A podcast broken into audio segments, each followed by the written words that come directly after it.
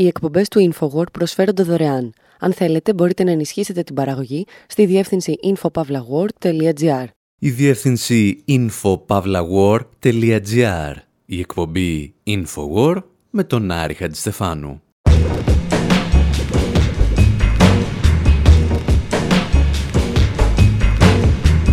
όπου σήμερα αναρωτιόμαστε αν οι Ηνωμένες Πολιτείες ετοιμάζονται να αποκτήσουν τον δικό τους Κέσαρα και μήπως η Ελλάδα τους προλάβει.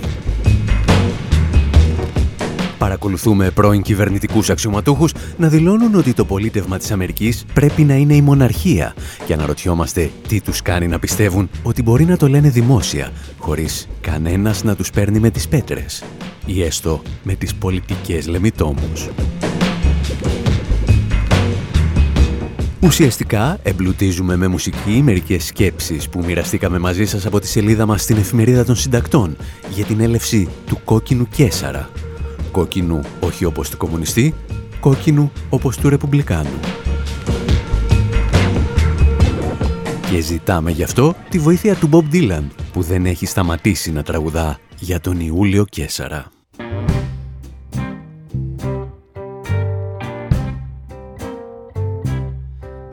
Across the Rubicon on the 14th day of the most dangerous month of the year. At the worst time, at the worst place. That's all I seem to hear. I got up early so I could greet the goddess of the dawn.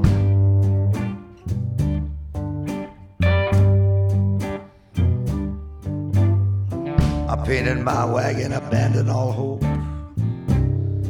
and I crossed the Rubicon.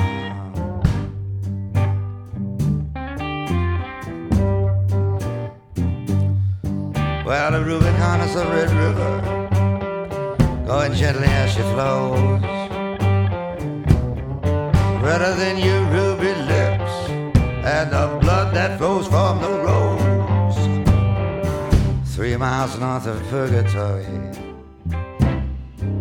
one step from the great beyond.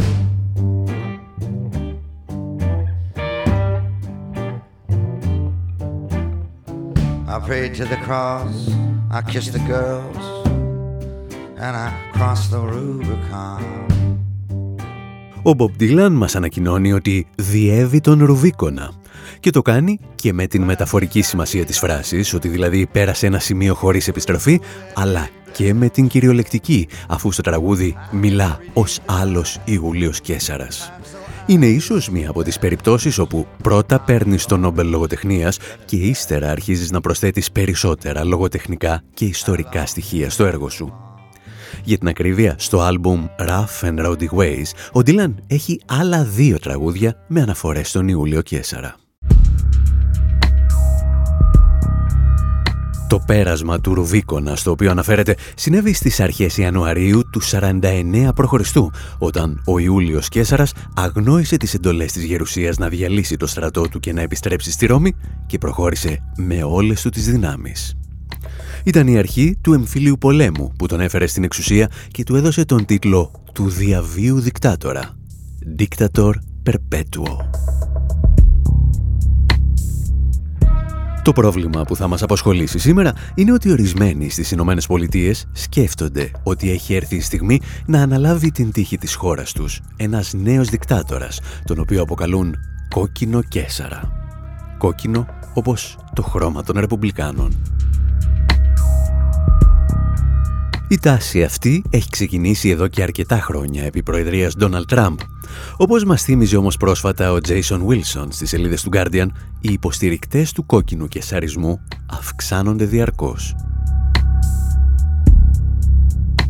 Το καλοκαίρι του 2023, παραδείγματος χάρη, ο Kevin Slack, καθηγητής στο συντηρητικό έως βαθιά αντιδραστικό πανεπιστήμιο Hillsdale του Michigan, παρουσίασε ένα κείμενο στο οποίο έλεγε πολλά από αυτά που ακούμε εδώ και χρόνια και από Έλληνες πολιτικούς, όπως ο Μάκης Βορύδης και ο Άδωνης Γεωργιάδης. Κυρίως δηλαδή έλεγε ότι η αριστερά είναι κυρίαρχη στην κοινωνία και τους θεσμούς και κάποιος θα πρέπει να βάλει τέλος σε αυτή την κατάσταση. Τα εξηγούσε και σε ένα διαδικτυακό μάθημα που προσφέρει στο YouTube. We're also going to look at the radicals, the counterculturalists of the 1960s and the changes that remain with us today. Θα εξετάσουμε τους ριζοσπάστες, τις αντικουλτούρες της δεκαετίας του 60 και τις αλλαγές που επικράτησαν από τότε. Θα δούμε επίσης τους νεοσυντηρητικούς και τη δημιουργία μιας ολιγαρχίας στο εσωτερικό των ΗΠΑ τη δεκαετία του 80 και του 90. Στη συνέχεια θα δούμε πώς οι ριζοσπάστες της δεκαετίας του 60 συνασπίστηκαν με τους νεοσυντηρητικούς υπό την ομπρέλα του Μπαράκ Ομπάμα. Μια συμμαχία που απειλεί τις ελευθερίες μας. Αυτά τα κινήματα υπόσχονται να καταργήσουν όλα τα δικαιώματα και τις ελευθερίες που προσφέρουν ευτυχία και νόημα στη ζωή. Νομίζω ότι οι άνθρωποι δεν κατανοούν τις ρίζες των σημερινών ιδεολογιών. Στο μάθημά μου θα δείτε πώς ξεκίνησαν και κατέληξαν να ελέγχουν την κοινωνία μας.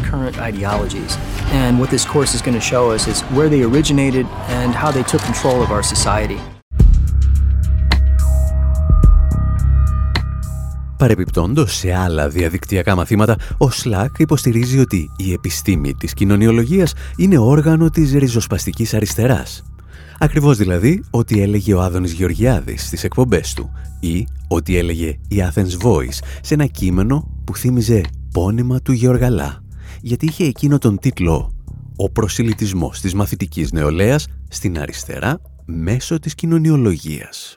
Η κατάσταση αυτή προστιθεμένη εις μίαν αναρχική αντίληψη η οποία είχε επιβληθεί σχεδόν εις όλα τα άτομα της κοινωνίας είχε δημιουργήσει τον έσχατον κίνδυνο να αλωθεί η χώρα από τον κομμουνισμό. Για να επιστρέψουμε όμως στη σημερινή μας ιστορία, σύμφωνα με τον Σλακ, η αριστερά της δεκαετίας του 60 συμμάχησε με τους νεοσυντηρητικούς, τους ανθρώπους δηλαδή που ενορχίστρωσαν τους πολέμους του George Bush. Και όλοι αυτοί ελέγχουν, λέει, την κοινωνία μας. Για την ιστορία, όσο παίζει το βίντεο από το μάθημά του, εμφανίζονται εικόνες από χίπιδες, από τους μαύρους πάνθυρες, αλλά και από τον George Σόρος και τον Μπάρακ Ομπάμα. Η συνωμοσιολογία δηλαδή μπαίνει δυνατά, έστω και από το παράθυρο του YouTube. Σύμφωνα με τον Slack, η λεγόμενη νέα δεξιά των Ηνωμένων Πολιτειών προτείνει πλέον τη λύση του κόκκινου Κέσαρα, δηλαδή μιας μετασυνταγματικής, όπως λέει, εξουσίας.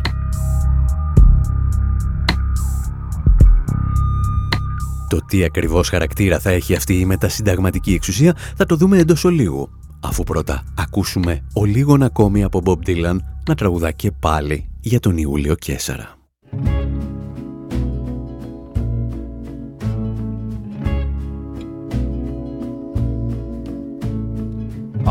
The summers into January. I've been visiting morgues and monasteries, looking for the necessary body parts. Limbs and livers and brains and hearts. I'll bring someone to life is what I want to do. I want to create my own version of you. Well, it must be the winter of my discontent. I wish you'd have taken me with you wherever you went. They talk all night and they talk all day. Not for a minute do I believe anything they say. I'll go bring someone life, someone I've never seen. You know what I mean? You know exactly what I mean. Ο Bob Dylan εμπνέεται αυτή τη φορά από τον Frankenstein της Mary Shelley και αναζητά τα κομμάτια του σε κάποιο νεκροταφείο. Για άλλη μια φορά όμως επιστρέφει και στην αρχαία Ρώμη και αναρωτιέται τι θα έκανε ο Ιούλιος Κέσαρας αν βρισκόταν στη θέση μου.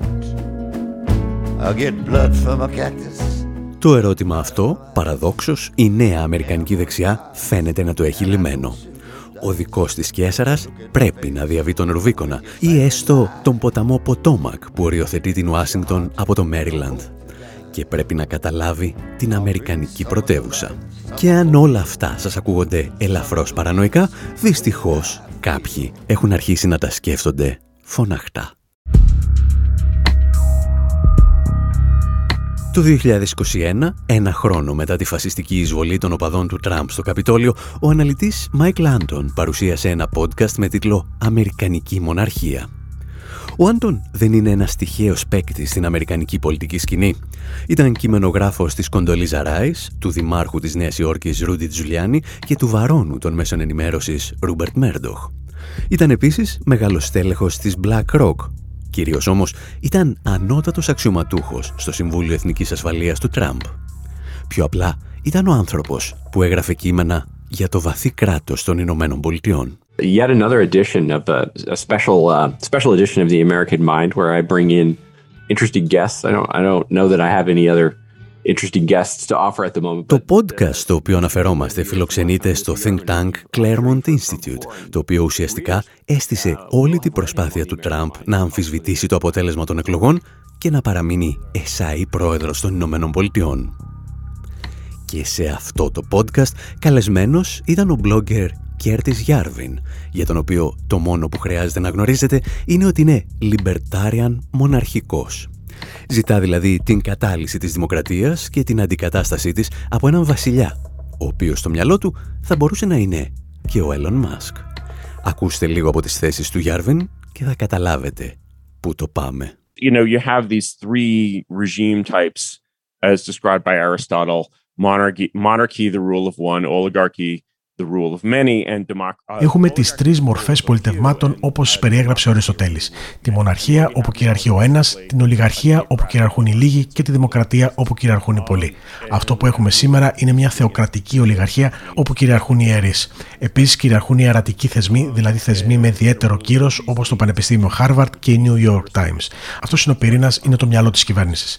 Πάντα έλεγα ότι αν η New York Times ήταν κυβερνητική υπηρεσία, θα διαπιστώναμε ότι είναι ισχυρότερη από όλες οι υπηρεσίες στην Ουάσιγκτον. Προσέξτε ότι για τον Γιάρβιν οι New York Times αποτελούν κάποιο είδους άνδρο της ριζοσπαστικής αριστεράς, το οποίο έχει καταλάβει την εξουσία στην Ουάσιγκτον. Περίπου δηλαδή ό,τι πιστεύει και ο επικοινωνιακός μηχανισμός της Νέας Δημοκρατίας όταν παρουσιάζει την Αμερικανική εφημερίδα σχεδόν σαν κομματικό όργανο του ΣΥΡΙΖΑ. Ο Γιάρβιν όμως αρχίζει πραγματικά να ξεδιπλώνει την επιχειρηματολογία του λίγα λεπτά αργότερα, όταν υποστηρίζει ότι ο Τραμπ ήταν καλός, αλλά λίγος σαν ηγεμόνας. And so what we're saying about Trump is we're sort of saddened that he didn't manage to untangle even more than two or three strands of the Gordian knot. Όταν αναφερόμαστε στον Donald Trump, εκφράζουμε τη θλίψη μας γιατί κατάφερε να λύσει μόνο ένα ή δύο κόμπους από τον γόριο δεσμό. Αν όμως σκεφτόμαστε έτσι, την επόμενη φορά που θα έχουμε τη μοναδική ευκαιρία να κυβερνήσουμε, θα ζητάμε απλώς κάποιον για να λύσει 10, 15, άντε 20 κόμπους. Στην πραγματικότητα, δεν πρέπει να ασχολείται καθόλου με την επίλυση του γόριου δεσμού. Πρέπει να ασκήσει την εκτελεστική εξουσία από την πρώτη μέρα, σαν να βρίσκεται σε κατάσταση έκτακτης ανάγκης. Δεν θέλουμε να πάρει τον έλεγχο των υπηρεσιών του κράτους. Θέλουμε να τους κόψει τη χρηματοδότηση και να τις εξαφανίσει agencies through appointments, you want to defund them. You want them to cease to exist. Αυτό που πραγματικά ζητά ο Γιάρβιν είναι η κατάλυση της δημοκρατίας στις Ηνωμένες Πολιτείες από έναν νέο Κέσαρα, ο οποίος θα αναλάβει μεν την εξουσία με εκλογές, αλλά αμέσως μετά θα εξουσιάσει σαν απόλυτος μονάρχης. Εδώ όμως επιχειρεί και μια σκοτεινή και παραπλανητική σύγκριση. Γιατί σαν μονάρχης λέει κυβέρνησε και ο Ρούσβελτ. You declare a state of emergency in your inaugural address. You would, you, you know, unlike FDR, στην ομιλία σου κατά την κατάληψη της εξουσίας κηρύσσει τη χώρα σε κατάσταση έκτακτης ανάγκης. Και σε αντίθεση με τον πρόεδρο Ρούσβελτ, τώρα θα έχεις εκλογική νομιμοποίηση να το κάνεις γιατί θα το έχεις προαναγγείλει προεκλογικά. Ο Ρούσβελτ βέβαια δεν έκανε αυτό. Στην προεκλογική εκστρατεία παρουσιάστηκε σαν συντηρητικός δημοκράτης που υποσχόταν να εξηγειάνει οικονομικά το σπάταλο κράτος. Η προεκλογική του πλατφόρμα δεν είχε την παραμικρή σχέση με το New Deal που εφάρμοσε. Ουσιαστικά λοιπόν ο Ρούσβελτ έκανε αυτό που περιγράφουμε, αλλά το έκανε με ύπουλο τρόπο. Και ύστερα, κατά την ανάληψη των καθηκόντων του, προς το τέλος της ομιλίας του είπε: Κοιτάξτε, εκεί στο Κογκρέσο έχετε δύο επιλογές. Είτε θα μου προσφέρετε την απόλυτη εξουσία, ή θα την πάρω ούτως ή άλλως μόνος μου. In the event that the Congress shall fail to take one of these two courses, Στην περίπτωση που το Κογκρέσο αποτύχει να αναλάβει δράση και στην περίπτωση που η κατάσταση παραμένει έκτακτη, δεν θα αποφύγω να αναλάβω το χρέος μου. Θα ζητήσω από το Κογκρέσο το τελευταίο εργαλείο με το οποίο μπορώ να αντιμετωπίσω την κρίση. Διευρυμένη εκτελεστική εξουσία για να κηρύξω τον πόλεμο απέναντι στην κρίση. Την ίδια εξουσία που θα μου δινόταν αν πραγματικά έχει βάλει στη χώρα μας μια εχθρική δύναμη.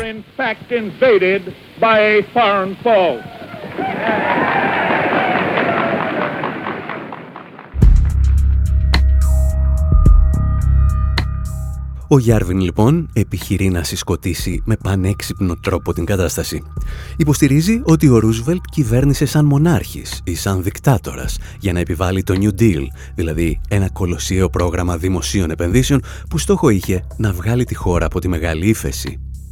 Αφού λοιπόν το έκανε ο Ρούσβελτ, ας το κάνουμε και εμείς. Αυτή τη φορά όμως στο όνομα των μεγάλων επιχειρήσεων, με βασιλιά κάποιο στέλεχος στη Silicon Valley. Και κάπου εδώ ίσως αναρωτηθείτε, έχει σημασία τι λέει ένας σχολιαστής σε ένα podcast; Η αλήθεια είναι ότι έχει αν το podcast ανήκει σε ένα think tank που σχεδίασε την προσπάθεια του Τραμπ να παραμείνει στην εξουσία αφού έχασε τις εκλογές. Έχει επίσης αν το podcast συντονίζει ένας πρώην ανώτατος αξιωματούχος του Συμβουλίου Εθνικής Ασφαλείας. Κυρίως όμως έχει σημασία αν το podcast εκφράζει τις θέσεις ενός διαρκώς διευρυνόμενου κύκλου διανοούμενων και πανεπιστημιακών του Ρεπουμπλικανικού κόμματος. Και για να σας αποδείξουμε ότι ο κίνδυνος είναι υπαρκτός, θα θυμηθούμε την τελευταία φορά που το Αμερικανικό κεφάλαιο θέλησε να αναλάβει την εξουσία χωρίς μεσάζοντες και χωρίς περιττές διαμεσολαβήσεις. Ιστορίες για το δεύτερο μέρος της εκπομπής. Οι εκπομπές του InfoWord προσφέρονται δωρεάν. Αν θέλετε, μπορείτε να ενισχύσετε την παραγωγή στη διεύθυνση infopavlagor.gr.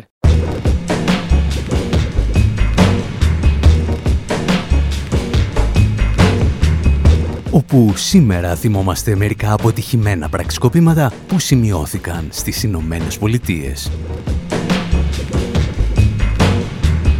Αναρωτιόμαστε αν υπήρξε ποτέ περίπτωση να επιβληθεί ο φασισμός απ' έξω ή θα ήταν πιθανότερο να επικρατήσει από μέσα. Και ζητάμε γι' αυτό τη βοήθεια του συγγραφέα Φίλιπ Ντίκ. Θυμόμαστε τις ημέρες πριν από έναν αιώνα όπου στο Καπιτόλιο ήθελαν να εισβάλλουν κάτι τραπεζίτες και μερικοί χρηματιστές. Διηγούμαστε τη συναρπαστική ιστορία ενός στρατηγού που πολέμησε στις μεγαλύτερες εκστρατείες του Αμερικανικού Ιμπεριαλισμού πριν από τον Πρώτο Παγκόσμιο Πόλεμο, αλλά μετά την είδε αλλιώς. Συζητάμε δηλαδή για το πόσο εύκολο είναι να ξυπνήσεις με ηγέτη έναν Χίτλερ αν αφήσεις μερικούς τραπεζίτες να οργανώσουν τα θύματα της πολιτικής τους. What kind of an American are you? It's time to show what you intend to do. If they trample on old glory, will you think that they are right? Or will you stand behind your land and fight with all your might? What kind of an American are you? That dissension you'll have to answer to.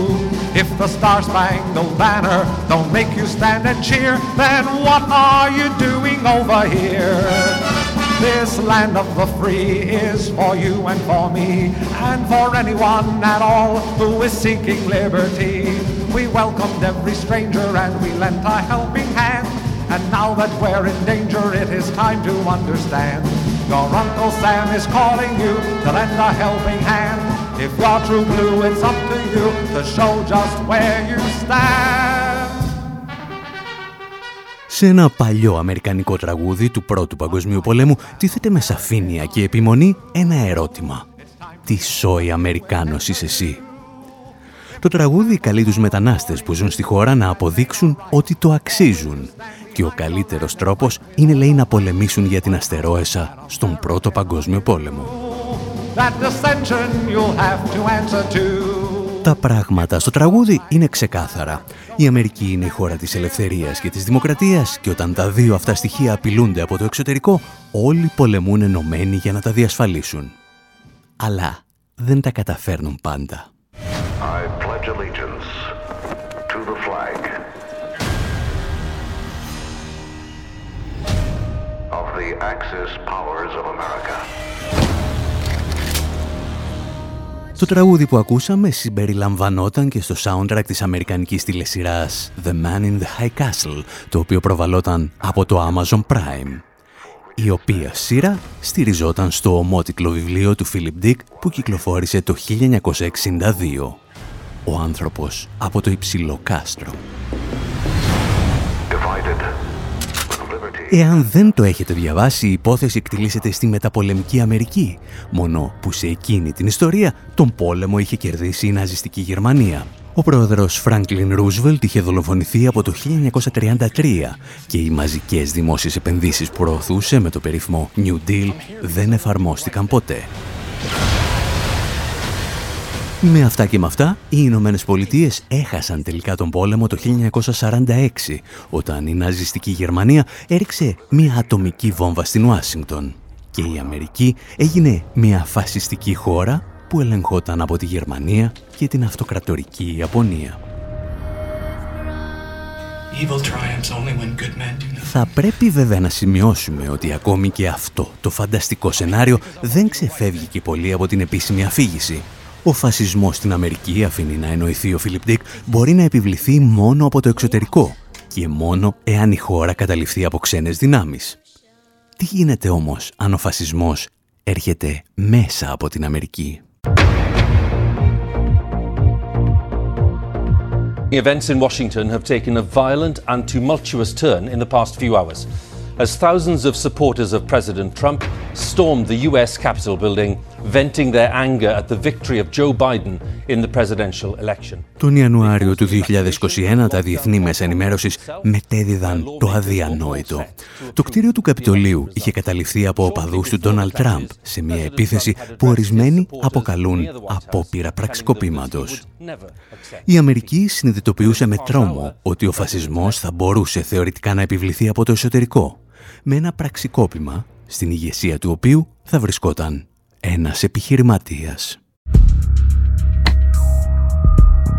Ένα χρόνο μετά την εισβολή στο Καπιτόλιο, αρκετές εφημερίδες από την Washington Post μέχρι τον Guardian θυμήθηκαν μία άλλη απόπειρα πραξικοπήματος που ορισμένοι πιστεύουν ότι έφτασε πολύ κοντά στην ανατροπή αν όχι τη δολοφονία του Πρόεδρου Ρούσβελτ. Και σε αυτή την αληθινή ιστορία πίσω από το πραξικόπημα βρίσκονταν τραπεζίτες και χρηματιστές της Wall Street, όπως παραδείγματος χάρη κάποιος JP Morgan Jr., για τον οποίο είχε γραφτεί στις αρχές του 20ου αιώνα και αυτό το τραγουδάκι.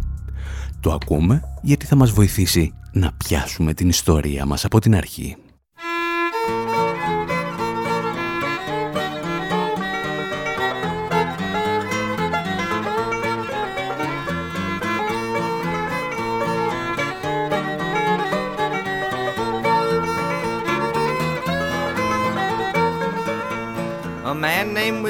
Morgan took his girl to see a play. And on the journey homeward, they stopped into a cafe. As soon as they got seated, Liza grabbed the bill of fare. She called the waiter and she ordered everything was there. Bill says, I know you're hungry, girl, and I don't like to squeal. But who do you suppose is going to pay for such a meal? You may have known me pretty long, but you sure have got my initials wrong. My name is Morgan, but it ain't JP. My name is Morgan, but it ain't JP. You must think I own a railroad company. You may have known me pretty long, but you sure have got my initials wrong. My name is Morgan, but it ain't JP. Εάν προσέξατε τους στίχους, ο ήρωάς μας έχει πάει την κοπέλα του στο θέατρο και ύστερα σκέφτεται να την κεράσει και κάτι σε ένα εστιατόριο. Αυτή ανοίγει τον κατάλογο και παραγγέλνει τα πάντα. Έως που ο συνοδός της της εξηγεί «Κοπελιά, δεν κατάλαβες. Το επίθετό μου μπορεί να είναι Μόργαν, αλλά δεν είμαι ο JP Morgan. Γιατί ο αληθινός JP Morgan θα μπορούσε να αγοράσει όχι μόνο τον κατάλογο, αλλά και το εστιατόριο μαζί με όλο το οικοδομικό τετράγωνο. Γιατί ήταν ο απόλυτος κυρίαρχος της Wall Street και κατ' επέκταση του Λευκού Οίκου. Ο JP Morgan μεγαλούργησε κατά τη διάρκεια του λεγόμενου κανόνα χρυσού, το σύστημα στο οποίο το νόμισμα στηρίζεται από τα αποθέματα χρυσού της χώρας. Έζησε την εποχή που οι επιχειρηματίες είχαν τον απόλυτο έλεγχο, χωρίς το κράτος να μπορεί να παρέμβει ούτε για να εκτελέσει χρέη τροχονόμου, ανάμεσα στα μεγάλα συμφέροντα. Ο JP Morgan πέθανε πανίσχυρος αφήνοντας στο γιο του, JP Morgan Jr., την αμύθιτη περιουσία του. Ο τελευταίος όμως ένιωσε κάποια στιγμή την ισχύ του να απειλείται. October 29th, 1929. Black Tuesday. The New York Stock Exchange is in a panic. Το κράχ του 1929 και η μεγάλη ύφεση που ακολουθεί αναγκάζει το Αμερικανικό κράτος να παρέμβει για τη διάσωση της οικονομίας. Ο πρόεδρος Ρούσβελτ προωθεί μεγάλα δημόσια έργα για να τονώσει την οικονομία και να δημιουργήσει θέσεις εργασίας. Παράλληλα, ανακοινώνει την έξοδο από τον κανόνα χρυσού. Και δεν το κάνει φυσικά για να σώσει τους εργάτες, αλλά για να σώσει το ίδιο το κεφάλαιο σε βάθος χρόνου. Αρκετοί όμως από τους μεγαλύτερους χρηματιστές και τραπεζίτες της εποχής δεν μπορούν να δουν τα μακροπρόθεσμα ωφέλη, αλλά μόνο τις άμεσες ζημιές. Και σύμφωνα με μία εκδοχή της ιστορίας, κάποιοι από αυτούς αποφασίζουν να ανατρέψουν τον πρόεδρο των Ηνωμένων Πολιτειών της Αμερικής. In 1933 and 1934, an alleged plot to overthrow the government of Franklin Delano Roosevelt, FDR, by Wall Street bankers Το 1933 και 1934 ίσως συνέβη μια φερόμενη συνωμοσία για την ανατροπή της κυβέρνησης του Franklin Delano Roosevelt από τραπεζίτες της Wall Street. Οι εφημερίδες εποχής την αποκάλεσαν μια γιγαντιαία φάρσα, όμως άλλοι, όπως η Ειδική Επιτροπή Αντιαμερικανικών Δραστηριοτήτων της Βουλής, βρήκαν τους ισχυρισμούς αξιόπιστους. Κατά την προεκλογική καμπάνια του 1932, η υπόσχεση του Roosevelt να δώσει δουλειές για τους άνεργους τρόμαξε τους επιχειρηματίες. Φοβήθηκαν ότι θα μετέτρεπε το καπιταλιστικό κράτος σε σοσιαλιστικό και θα πραγματοποιούσε απερίσκετε κρατινά άποψή τους, δημόσιες δαπάνες. Επιπλέον, μία από τις πρώτες οικονομικές πράξεις του Ρούσβελτ ήταν να εγκαταλείψει τον αγώνα χρυσού το 1933. Οι συντηρητικοί εξοργίστηκαν. Ο γερουσιαστής Χέρι Χάτφιλντ έγραψε Αυτό είναι δεσποτισμός. Αυτό είναι τυραννία. Αυτό είναι η εξολόθρευση της ελευθερίας.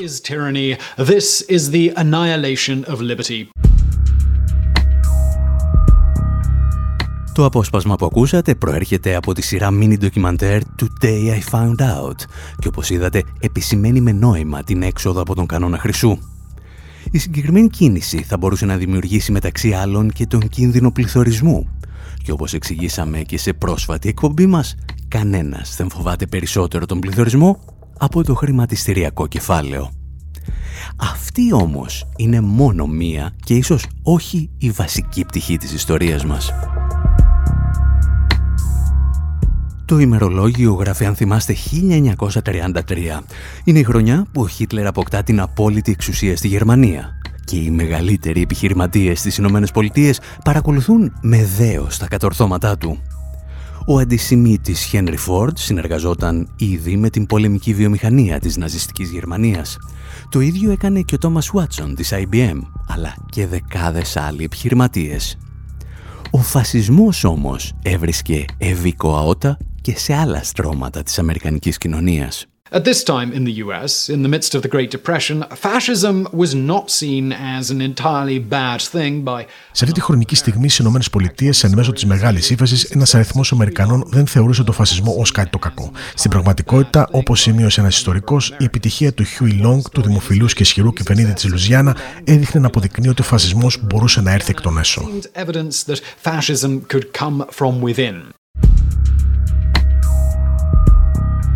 Ο φασισμός θα μπορούσε σε ελάχιστο χρονικό διάστημα να αποκτήσει γερές φάσεις στις Ηνωμένες Πολιτείες και το έφορο έδαφος γι' αυτό θα αποτελούσαν οι βετεράνοι του Πρώτου Παγκοσμίου Πολέμου. Στη Γερμανία, οι κακουχίες και η ταπείνωση από την ήττα του πολέμου τους είχαν μετατρέψει σε δεξαμενή στρατολόγησης για τους Ναζί Ακόμη και στις Ηνωμένες Πολιτείες όμως, οι οποίες δεν υπέστησαν τους όρους μιας ταπεινωτικής σίτας, οι στρατιώτες είχαν περάσει αρκετά για να είναι απογοητευμένοι και εξοργισμένοι με τις οικονομικές και πολιτικές ελίτ και έδειξαν αυτή την οργή το 1932. Μια μικρή παρένθεση με μια ιστορία που σας είχαμε διηγηθεί και παλαιότερα για τον λεγόμενο Bonus Army.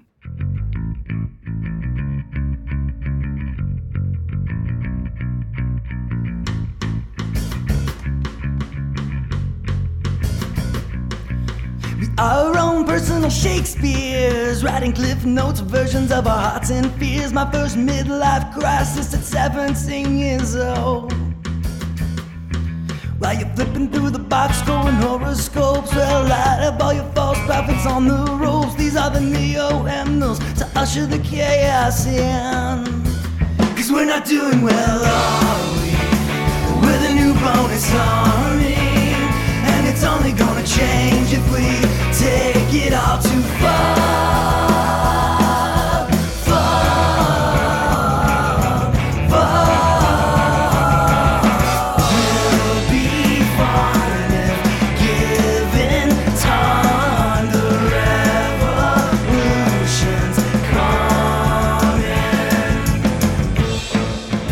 Το συγκρότημα που ακούτε, όπως και το τραγούδι, ονομάζονται New Bonus Army και αυτές είναι οι μόνες πληροφορίες που καταφέραμε να συλλέξουμε για αυτούς.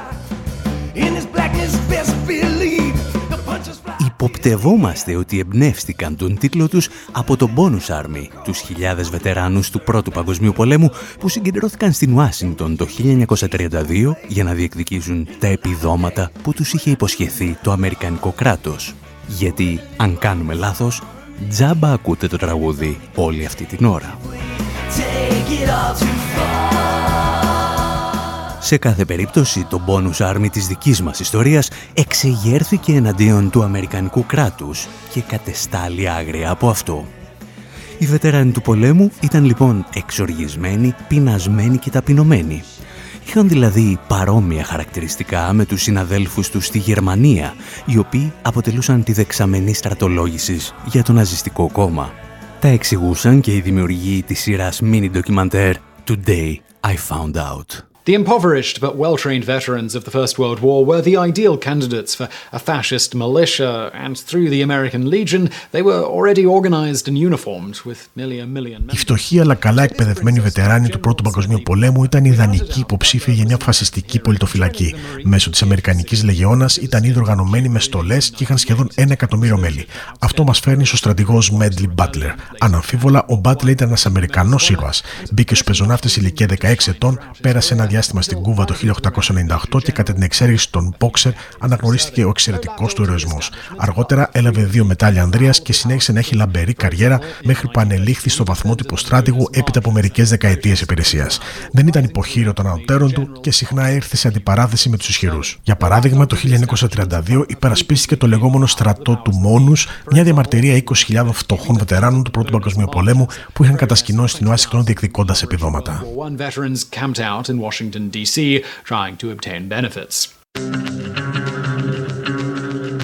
Το ντοκιμαντέρ παρουσιάζει τον Μπάτλερ σαν έναν Αμερικανό ήρωα, μόνο που ο ίδιος δεν αισθανόταν έτσι. Έχοντας υπηρετήσει για τρεις δεκαετίες όλους τους υπεριαλιστικούς πολέμους των Ηνωμένων Πολιτειών, αισθανόταν περισσότερο σαν ένας εγκληματίας του κοινού ποινικού δικαίου. Και όπως έγραψε σε ένα από τα κείμενά του, ήταν χειρότερος και από τον Αλ Καπόνε. Πέρασα 33 χρόνια στρατιωτικής υπηρεσίας και σε αυτή την περίοδο έπαιξα κυρίως το ρόλο του μπράβου των μεγαλοπιχειρηματιών της Wall Street και των τραπεζιτών. Εν συντομία, ήμουν ένας γκάγκστερ του καπιταλισμού. Βοήθησα να καταστεί το Μεξικό και ειδικά το Ταμπίκο ασφαλέστερο για τα αμερικανικά πατερλαϊκά συμφέροντα το 1914. Βοήθησα να γίνουν η Κούβα και η Αιτή ένας καλός τόπος εισοδήματος για τα παιδιά της National City Bank. Βοήθησαν στο βιασμό μισής τουζίνα δημοκρατιών της Κεντρικής Αμερικής προς όφελος της Wall Street. Βοήθησαν στην εκαθάριση της Νικαράγουας για χάρη του Διεθνούς Τραπεζικού τραπεζικού οίκου των αδελφών Μπράουν. Έκανα φωτεινότερη τη δομηνιακή δημοκρατία για τα αμερικανικά συμφέροντα ζάχαρη το 1916. Βοήθησε να καταντήσει η Ονδούρα υποτελή των Αμερικανικών εταιρεών εισαγωγής φρούτων το 1903. Βοήθησε τη Standard Oil το 1927 να κάνει τις business της χωρίς αντίσταση στην Κίνα. Τώρα δηλαδή που το ξανασκέφτομαι, μπορεί να έδωσε και καμία ιδέα στον Αλ Καπόνε. Και αυτός το μόνο που κατάφερε ήταν να γίνει κλιματία σε τρεις περιοχές των ΗΠΑ, ενώ εγώ δραστηριοποιήθηκα σε ολόκληρης Υπήρους. Το 1932 ο Μπάτλερ θα ταξιδέψει μέχρι την Ουάσιγκτον για να παρακολουθήσει από κοντά το κίνημα του Bonus Army. Και εκεί οι βετεράνοι τον αποκαλούν σύντροφο και τον καλούν να μιλήσει. As I said before, he's a real soldier, a real man, a real gentleman, and a real comrade. I take pleasure in introducing to you Major General Smedley Butler, uh, retired of the U.S. Marine Corps. Ο Μπάτλερ θα ανέβει στην αυτοσχέδια εξέδρα και θα μαγέψει τους βετεράνους του Πρώτου Παγκοσμίου Πολέμου με ιστορίες από τα μετάλλια του και τα εγκλήματά του. Want to tell you why I'm here. For 35 years I've been a soldier. A Marine, that same thing. Yeah; I'll tell you why it is. Οι φτωχοί βετεράνοι του πολέμου όμως δεν είναι οι μόνοι που εντυπωσιάζονται από την παρουσία του Μπάτλερ. Όπως τα καταθέσει ο ίδιος μερικά χρόνια αργότερα, οι επίδοξοι πραξικοπηματίες στέλνουν εκπροσώπους τους και προσπαθούν να τον στρατολογήσουν. Θέλουν να ηγηθεί ομάδες πολιτοφυλακής που θα ανατρέψουν τον πρόεδρο Ρούσβελτ και θα τοποθετήσουν στη θέση του μια φασιστική δικτατορία. Οι λεπτομέρειες όσων ακολούθησαν χάνονται ανάμεσα στα όρια της πραγματικότητας και του αστικού μύθου. Ο ίδιος ο Μπάτλερ υποστηρίζει ότι αρνήθηκε να συμμετάσχει στο πραξικόπημα και ανέφερε τη δραστηριότητα στο Λευκό Οίκο. Καταθέτοντας σε ειδική επιτροπή της Αμερικανικής Γερουσίας, φέρεται να έδωσε όλα τα ονόματα των επιχειρηματιών που βρίσκονταν πίσω από τη συνωμοσία. Η Επιτροπή αποδέχθηκε ότι υπήρχε σχέδιο ανατροπής του Προέδρου, αλλά δεν αποκάλυψε ποτέ τα ονόματα των προτεργατών. That said, after extensive investigation, a congressional committee investigating the matter concluded in the last few weeks of the committee's official life, it received evidence showing that. Έπειτα από εκτενεί έρευνες, η Κοινοβουλευτική Επιτροπή που ερεύνησε το ζήτημα έβγαλε το εξής πόρισμα. Τις τελευταίες εβδομάδες η Επιτροπή έλαβε αποδείξεις ότι συγκεκριμένα άτομα επιχείρησαν να καθιδρύσουν φασιστική οργάνωση σε αυτή τη χώρα. Δεν υπάρχει αμφιβολία ότι αυτές οι απόπειρες συζητήθηκαν, σχεδιάστηκαν και θα μπορούσαν να είχαν πραγματοποιηθεί όταν και αν οι οικονομικοί υποστηρικτές τους το έκριναν σκόπιμο backers deemed it expedient. Οι περισσότεροι ιστορικοί συμφωνούν σήμερα ότι το σχέδιο ενός φασιστικού πραξικοπήματος για την ανατροπή του Ρούσβελτ ήταν υπαρκτό, αν και διαφωνούν για το πόσο κοντά στην εκτέλεσή του θα μπορούσε να φτάσει. Για άλλη μια φορά όμως, αρκετές από τις θεωρίες που διατυπώνονται αναπαράγουν μια μάλλον απλουστευτική αφήγηση. Σύμφωνα με αυτή, ο Ρούσβελτ είχε επαναστατήσει απέναντι στην οικονομική ελίτ και κατάφερε να σώσει τη χώρα και τον κόσμο από τη μεγάλη ύφεση χάρη στο γενναίο πρόγραμμα δημοσίων επενδύσεων. Μία ιστορία που παρεπιπτόντος κάποιοι θέλουν να διηγηθούν σήμερα και για τον Biden. Αυτή η αφήγηση δεν διαφέρει και τόσο από την ερμηνεία της ιστορίας που προωθούσε και ο Φίλιπ Ντίκ στο βιβλίο του «Ο άνθρωπος στο υψηλό κάστρο». Εάν δεν υπήρχε ο Ρούσβελτ και η κίνησιανή πολιτική των δημόσιων επενδύσεων, έλεγε, ο κόσμος μας θα είχε πέσει στα χέρια της φασιστικής Γερμανίας και της αυτοκρατορικής Ιαπωνίας. Αυτή η φιλελεύθερη ιστορία όμως ξεχνά δύο βασικά ζητήματα. Καταρχήν ότι τις δυνάμεις του άξονα δεν τις σταμάτησαν κυρίως οι Αμερικανοί, αλλά κυρίως η πρώην Σοβιετική Ένωση. Και δεύτερον, ότι ο καπιταλισμός δεν γλίτωσε από τη δομική του ύφεση κυρίως επειδή έγιναν δημόσιες επενδύσεις. Κυρίως γλίτωσε επειδή ακολούθησε ο δεύτερος παγκόσμιος πόλεμος που κατέστρεψε παραγωγικές δυνάμεις και επέτρεψε στο σύστημα να κερδοφορήσει με την ανοικοδόμηση. Ας κρατήσουμε λοιπόν από το αποτυχημένο πραξικόπημα του 1933 ότι ο φασισμός θα μπορούσε να έχει επικρατήσει στις Ηνωμένες Πολιτείες και από μέσα, χωρίς δηλαδή η χώρα να καταληφθεί από ξένα στρατεύματα.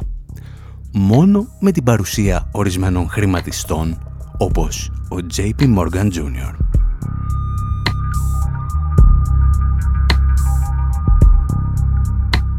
εμείς πάλι λέμε να σας αφήσουμε και για αυτή την εβδομάδα. Από τον Άρη Χατζηστεφάνου στο μικρόφωνο και τον Δημήτρη Σαδόπουλο στην τεχνική επιμέλεια, γεια σας και χαρά σας.